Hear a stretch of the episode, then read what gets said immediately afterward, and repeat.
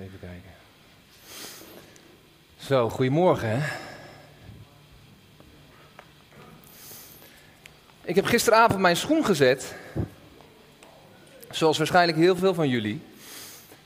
En ik had er een wortel in gedaan voor het paard. En uh, een lief briefje geschreven voor de Sint. En toen ik vanochtend wakker werd en bij de kachel kwam. Toen zat er een gedicht in mijn schoen. Voor de schuilplaats. Dus ik ben, uh, ben benieuwd, ik heb het nog niet gelezen. Ik ben benieuwd wat de Sint ons te zeggen heeft vanochtend. Lieve schuilplaatsers, hoewel ik zelf vandaag jarig ben, wil ik jullie feliciteren. Alweer 50 jaar een gemeente, dat kan ik erg waarderen. Ik ben zelf natuurlijk al veel ouder, niettemin is die 50 jaar van jullie best een leuk begin. Zo heel erg jong zijn heeft natuurlijk wel zijn voordelen. Hoe jonger je bent, hoe gemakkelijker je kunt spelen. Spelen als een kind, daar mogen jullie telkens weer voor kiezen.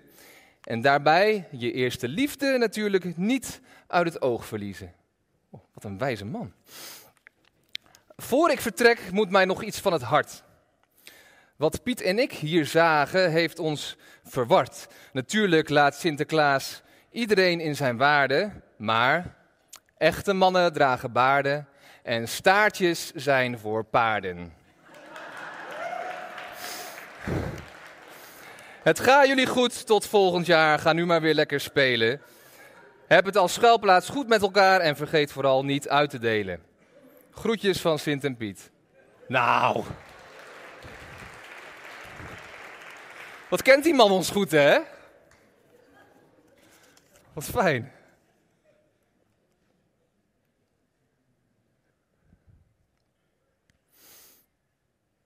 Goed. Wil ik toch nog even voor mezelf bidden? Ik denk dat ik het wel kan gebruiken. Heer, dank u wel, Heer, dat u, uh, dat u de schuilplaats gegeven heeft aan ons allemaal. En Heilige Geest, ik wil u uitnodigen, Heer, om, uh, om te komen, Heer, in mij. Heer, dat ik uw woorden zal doorgeven, Heer, dat het niet mijn voorbereide verhaaltje zal zijn, Heer. Heer, maar dat uw geest zal blazen, Heer, op elk woord wat ik vanochtend zal spreken, Heer. En dat, uh, dat iedereen zal ontvangen wat hij of zij nodig heeft op dit moment. Heer, wilt u geloof vrijzetten, Heer, in de harten van ons allemaal.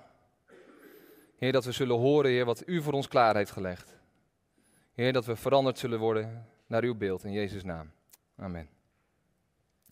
En vorig jaar, vorige week, toen we ons jubileum vierden, toen uh, werd ik, uh, toen uh, heeft Nathan ook gezegd, toen werd ik heel erg geraakt door het feit dat Frits en Elske hier alle tafels aan het dekken waren met die fantastische gebakjes.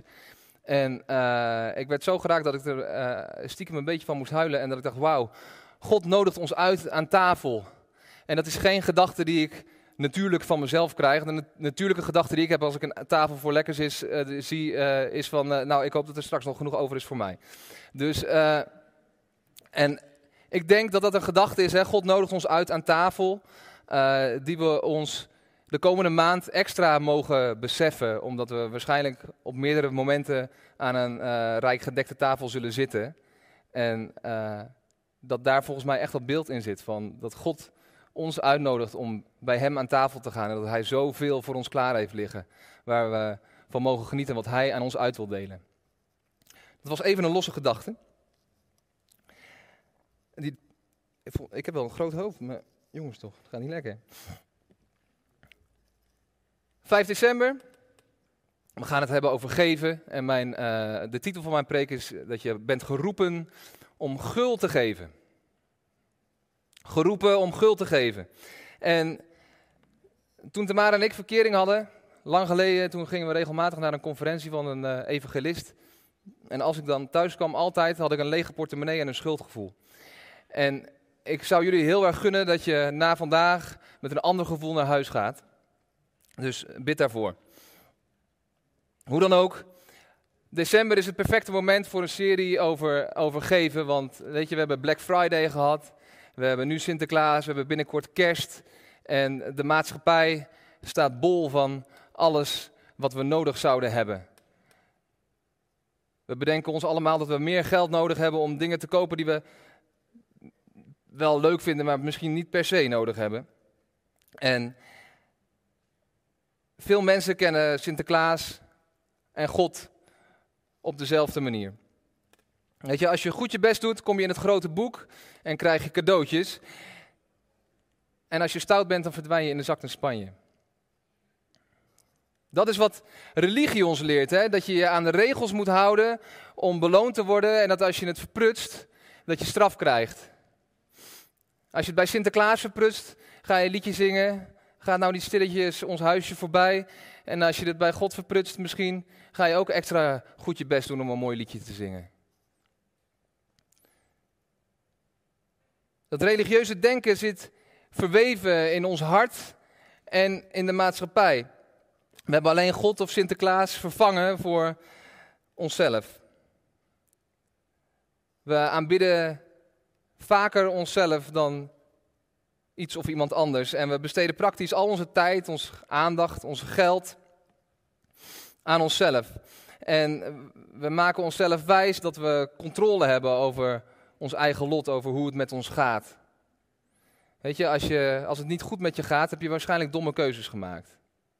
Als iemand anders, als het daar niet goed mee gaat, denk je, ja, ja dat zal wel aan hemzelf liggen. Hè? Weet je, die kant kun je hebben. Je kan ook denken, ja, het gaat niet goed met mij, want mijn vader was er nooit. Of mijn moeder was uh, veel te overheersend. En dan ben je het slachtoffer. Weet je, ben je ongelukkig in een relatie, dan ligt het aan de ander en dan ben je beter af zonder diegene. Als het niet meer goed voelt of je behoeften worden niet meer bevredigd, dan ben je eigenlijk wel een beetje dom als je blijft hangen. Als je genoegen neemt met minder dan perfect, ja, dan vinden we je eigenlijk een beetje zielig. Weet je, en ik zet het natuurlijk heel zwart-wit neer, maar ik geloof dat je het wel herkent. Ik wel, in ieder geval, in mijn eigen hart. En ik denk dat wij allemaal bewust of onbewust grotendeels leven voor ons eigen geluk. En misschien zeg je wel tegen jezelf ja, maar al die kleren, die mooie kleren, die heb ik nodig. En ik heb er toch ook hard voor gewerkt. En weet je, work hard, play hard. Ik heb het verdiend. Als ik er hard voor werk, mag ik er ook hard van genieten. En dan vraag ik me af, wie geef je nou de hoogste eer met je leven? Is dat nou de schepper van hemel en aarde of ben je dat zelf? Draait het om hem of draait het om je eigen geluk? Denk eens na over die vraag en beantwoord hem voor jezelf.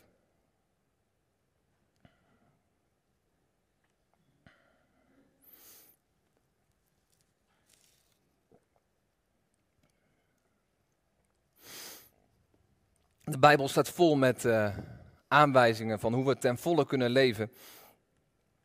God geeft ons zijn wet en die verbindt daar beloften aan. Ik heb, in het voorjaar heb ik gesproken over zegen en vloeken. En dan lees je in Deuteronomium 28 dat God heel duidelijk is. Als je mij gehoorzaamt, dan zal het goed met je gaan.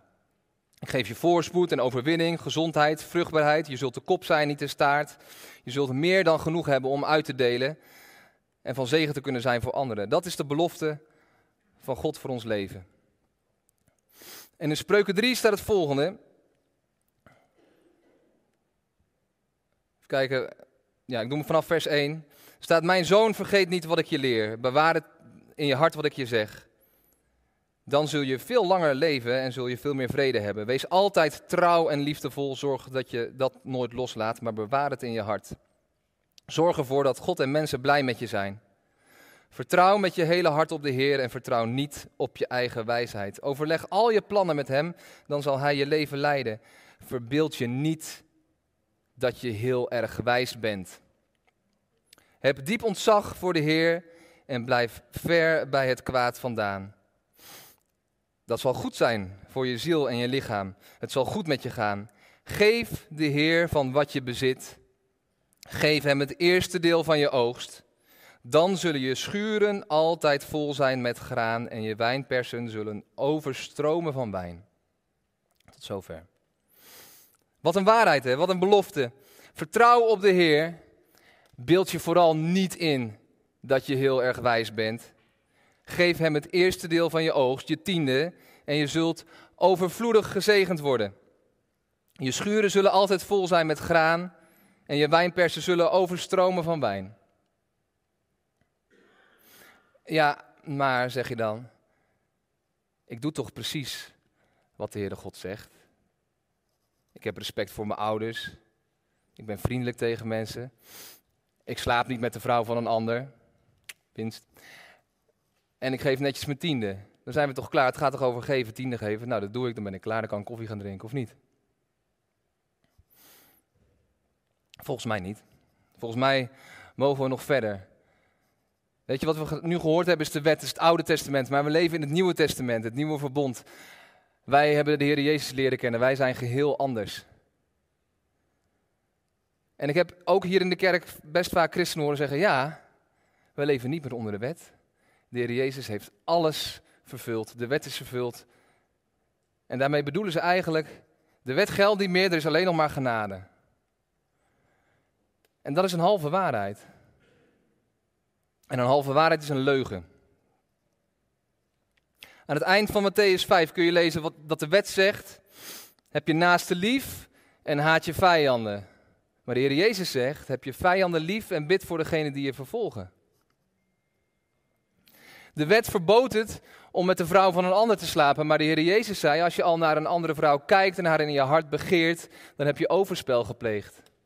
En volgens mij is dat wat het betekent: dat de wet vervuld is. De Heer Jezus zet alles altijd nog weer veel scherper aan. Zoals de lat van de wet hier lag, ja, dan zegt de Heer Jezus, ja, daar ergens. In Lucas 18 kunnen we dan het volgende verhaal lezen. Het is een bekend verhaal. Ik wil hem even helemaal met jullie lezen. En er staat vanaf vers 18. Een rijk, belangrijk man vroeg aan Jezus: Goede meester, wat moet ik doen om het eeuwige leven te krijgen? En Jezus zei tegen hem: Waarom noem je mij goed? Er is er maar één die goed is en dat is God. Je kent de leefregels van de wet van Mozes. Wees trouw aan je vrouw, dood niemand en stil niet. Vertel geen leugens over anderen. Heb respect voor je vader en je moeder en zorg voor hen. De man zei tegen hen: Daar heb ik me mijn hele leven aan gehouden. Toen Jezus dat hoorde, zei hij: Je moet nog één ding doen. Verkoop alles wat je hebt en geef het geld aan de arme mensen, dan zul je een schat in de hemel hebben. Kom daarna hier en volg mij. Toen de man dat hoorde, werd hij erg verdrietig. Want hij was heel erg rijk.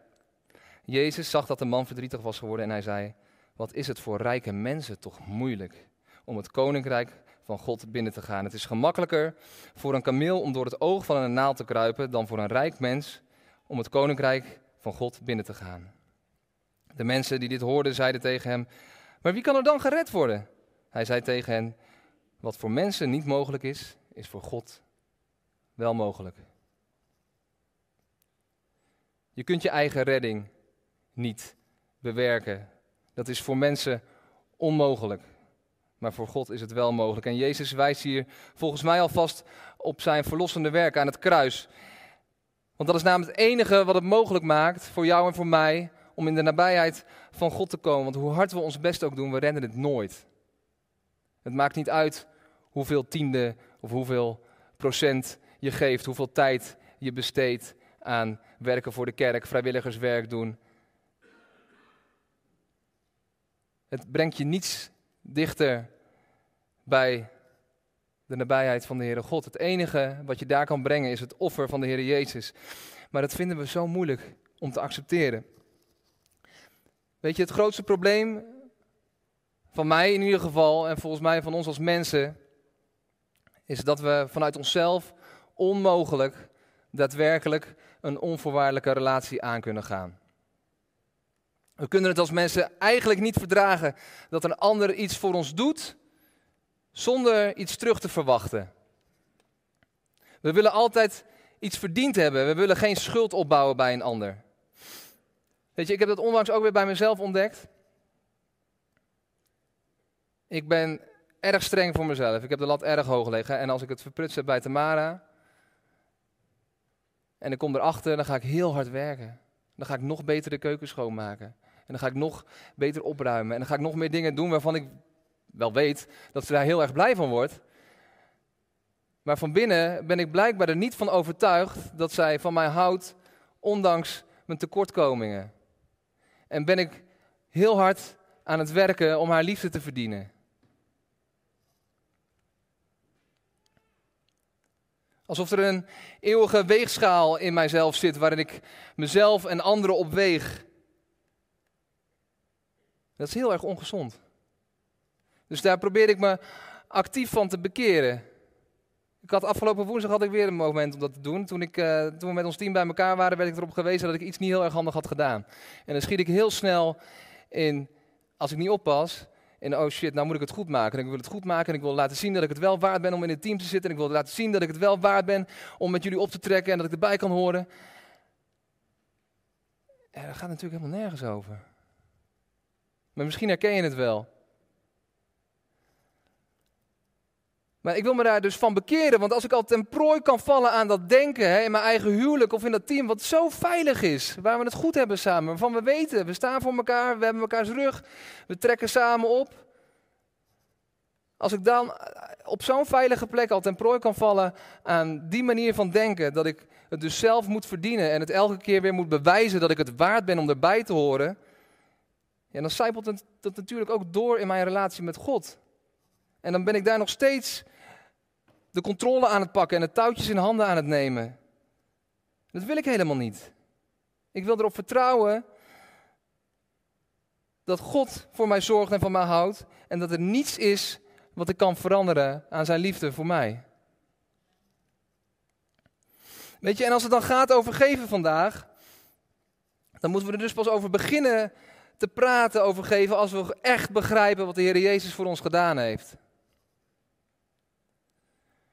Als je er in je hart nog steeds van overtuigd bent dat je alleen gered wordt of gered bent als je gehoorzaamt, dan wil ik je uitnodigen om je daarvan te bekeren vandaag. Het koninkrijk van God is de wereld op zijn kop.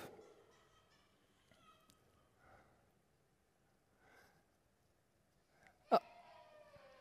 Het is wel goed nieuws hoor, Gert-Jan. Als je, in de, als je in de Heer Jezus gelooft, ben je gered. Punt. Weet je wat religie doet? Is zeggen, eerst geloof je, dan ga je gehoorzamen en dan word je gered. Maar wat het Koninkrijk van God doet, is zeggen, je gelooft en dan ben je gered. Daarna komt gehoorzaamheid. Als die redding hè, werkelijkheid, werkelijkheid wordt en doorwerkt in je hart, zul je nooit meer dezelfde zijn. Dan ga je de zonde haten en dan ga je er naar streven om God te gehoorzamen. Niet omdat je jezelf daarmee kunt redden, maar juist omdat je gered bent. Dat betekent niet dat het altijd goed zal gaan hè, naar onze eigen maatstaven maar wel dat we in elke omstandigheid kunnen zeggen dat God altijd goed is. Ik mag dus loslaten dat het geld wat op mijn rekening staat van mij is. Ik mag loslaten dat mijn tijd van mij is. Ik mag me bekeren van alles wat mijn aanbidding krijgt buiten God om. Ik mag steeds meer leren om te geven vanuit dankbaarheid en vanuit de overtuiging dat alles wat ik gekregen heb, dat ik dat ontvangen heb vanuit genade. Alles wat ik heb is onder mijn hoede gesteld. Om in naam van God over te regeren. En uit te delen. En te zaaien. En te oogsten. En weer te zaaien. En het klinkt natuurlijk allemaal fantastisch, hè? Maar vanuit mezelf is dat echt onmogelijk. Ik kan wel zeggen, als ik geloof in de Heer Jezus en gered ben, dan ga ik als vanzelf meer lijken op de Heer Jezus en Hem gehoorzamen. Maar we missen nog één cruciaal ingrediënt. De pepernoten. Nee. We missen nog één persoon. Dat is de Heilige Geest. Vorige week zaterdag heeft Willem Ouweneel gesproken over dat we een schuilplaats mogen zijn met 4G. Voor de mensen die dat niet hebben teruggeluisterd nog of hebben teruggekeken uh, of erbij waren.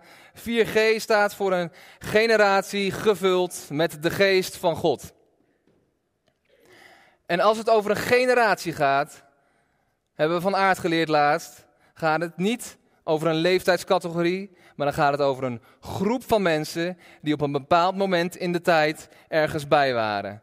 Dus als het gaat over de generatie gevuld met de geest van God, gaat het over de schuilplaats, de schuilplaatsers die betrokken zijn bij de schuilplaats op dit moment, in moment, dit moment van de tijd, of die binnenkort zullen worden toegevoegd.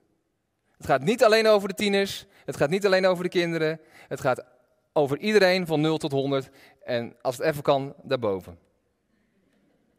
En het is ons allergrootste verlangen dat die kracht van de Heilige Geest, die werkelijkheid van de kracht van God in ons, dat dat het kenmerk is waar wij onbekend staan als schuilplaats. En waar herken je die generatie gevuld met de geest van God dan aan? Willem Ouweneel leerde ons vorige week allereerst gehoorzaamheid. Iemand die vervuld is met de geest van God gehoorzaamt wanneer hij merkt dat de geest hem ergens voor roept. Ja, zeg je, dat is allemaal leuk, maar ik versta de stem van God helemaal niet. Ik heb hem, voel me nergens voor geroepen, ben nog nooit ergens voor geroepen en ik bid en ik hoor nooit wat. Dan heb ik nieuws voor je. Je hebt op je telefoon hè, allemaal, kun je een Bijbel-app downloaden. Dan heb je Gods woord. Je kan een Bijbel kopen in de kiosk, dan heb je Gods woord. En dat is de manier waarop God tegen je praat. En als je Gods woord gaat lezen en je vult met zijn waarheid,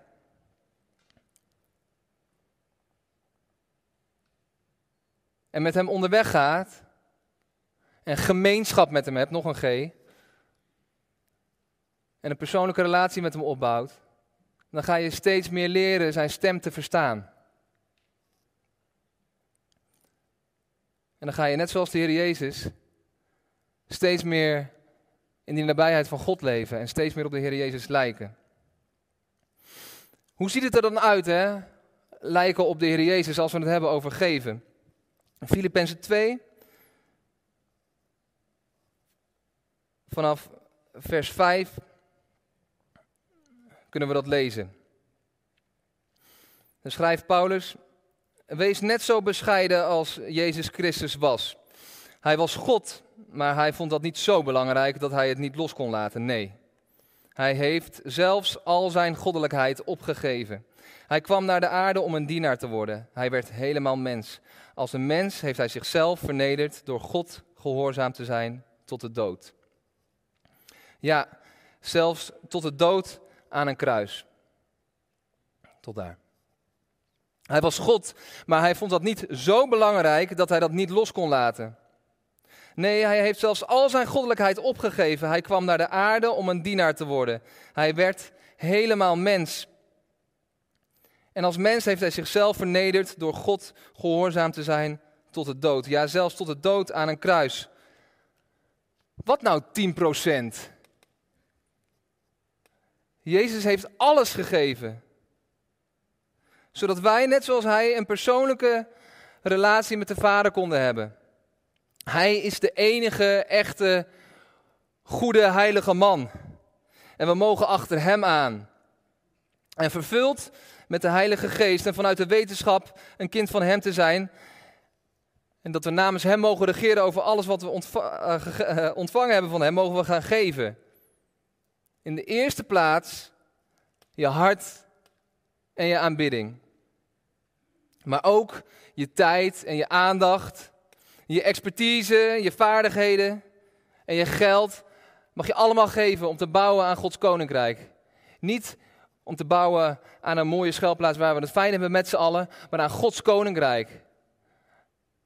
Het koninkrijk waar mensen kunnen komen die vermoeid en belast zijn. Waar mensen kunnen komen die Jezus nog niet kennen. Waar mensen die het gevoel hebben geen thuis te hebben, thuis kunnen komen. Weet je, dus ben je goed in schilderen, geef het weg. Kun je goed luisteren, zet het in. Ben je goed met kinderen, geef je op bij de scouting of bij het kinderwerk. Ben je technisch, bouw mee aan het koninkrijk van God. Zie je iemand in financiële nood, geef je geld. Weet je, je bent geroepen om gul te geven vanuit de overvloed die jij ontvangen hebt.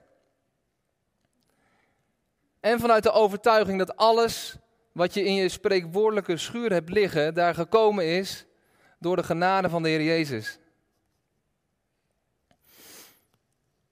En wat ontzettend belangrijk is om te beseffen, is dat het helemaal geen bal uitmaakt hoe dat eruit ziet. Het maakt niets uit wat je geeft of wat je doet. Weet je, er kunnen twee mensen zijn die allebei, ik noem maar wat, 100 euro geven. De een doet het om gezien te worden, of om zich goed te voelen over zichzelf, of om zijn eigen redding voor elkaar te verdienen. En de ander doet het omdat hij zoveel van de Heere God houdt. Weet je, en in de natuurlijke kan er hetzelfde uitzien, maar de geestelijke bron is anders.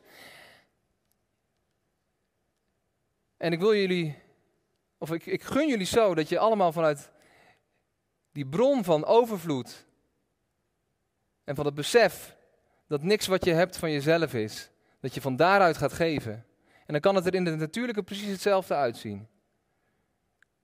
Maar dan maakt het geestelijk een wereld van verschil. En wat betekent dat nou voor jou op dit moment? Ik geloof dat je op verschillende punten kan staan in je, uh, in je reis met de Heere God. Allereerst hè, ben je hier misschien vandaag en kom je erachter dat je voor jezelf leeft. En merk je dat het eigenlijk niet het leven is wat je gelukkig maakt. En verlang je ernaar om dat leven op te geven en het offer van de Heer Jezus te aanvaarden. Als dat zo is, fantastisch, welkom, geweldig. Kom tijdens de aanbidding naar ons toe, gaan we voor je bidden. En misschien ben je al langer onderweg met de Heer Jezus en heb je je hart aan Hem gegeven, maar zijn er nog steeds stukken in je hart of van je leven waar je zelf God over wil blijven. Dingen waar jij meer aanbidding aan geeft dan aan de Heer Jezus. En als je dat beseft en je hebt er berouw van, dan mag je dat beleiden. En dan ga je ervan bekeren en dan zal God bevrijding geven. Dan zal je vrij kunnen komen van het stukje van de macht van geld waar je nog aan vastzit. Of van die leugen dat alles wat je hebt, dat je dat hebt gekregen door zelf hard te werken. Jij kan er niks aan doen dat je zo slim bent, dat je zo'n goede baan hebt. Jij kan er niks aan doen dat je dat talent gekregen hebt waar je geld mee kan verdienen. Bedenk je van wie je dat gekregen hebt.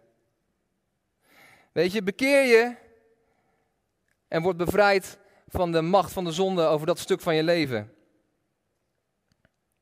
Weet je, misschien herken je jezelf ook wel in dat je nog steeds voor een stuk bezig bent om je eigen redding te verdienen. En dat je daarom vanuit dat hart geeft om iets goed te maken of die weegschaal in balans te krijgen.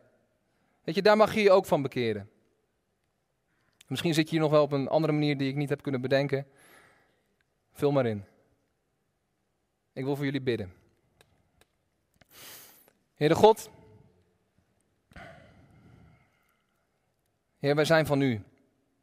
Heer, u heeft ons gemaakt. Heer, u maakt geen fouten. Heer, ik dank u, Heer, voor de manier waarop u ons allemaal gemaakt heeft, Heer, en ons allemaal op een eigen manier kan aanspreken, Heer. Heer, en als u ons aangesproken heeft, Heer, in de afgelopen paar minuten, Heer. Heer, dat willen we dat voor uw troon brengen.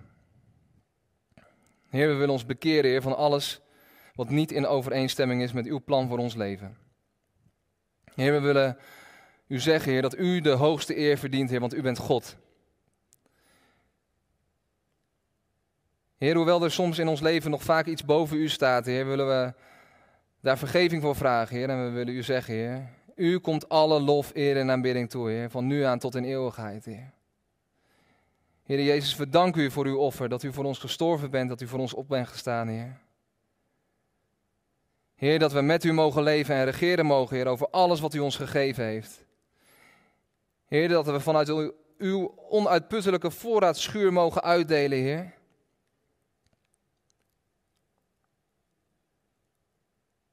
Laat, ons, laat iets nieuws wakker worden in ons binnenste. Heer, een nieuwe, een nieuwe durf, Heer, om dat avontuur met u aan te gaan. Om vrij te komen, Heer, van alles wat ons vasthoudt. Om voor u te leven, Heer, en daar ons hele leven aan over te geven. In Jezus' naam. Amen. Dus voor de komende tijd, vraag God waar je aan mag geven. Natuurlijk geef je eerst je 10%, maar wat geef je daarnaast nog? Het kan goed zijn hè, dat hetgene wat jij hebt uit te delen precies de nood vervult van iemand anders. Daar wil ik jullie mee zegenen.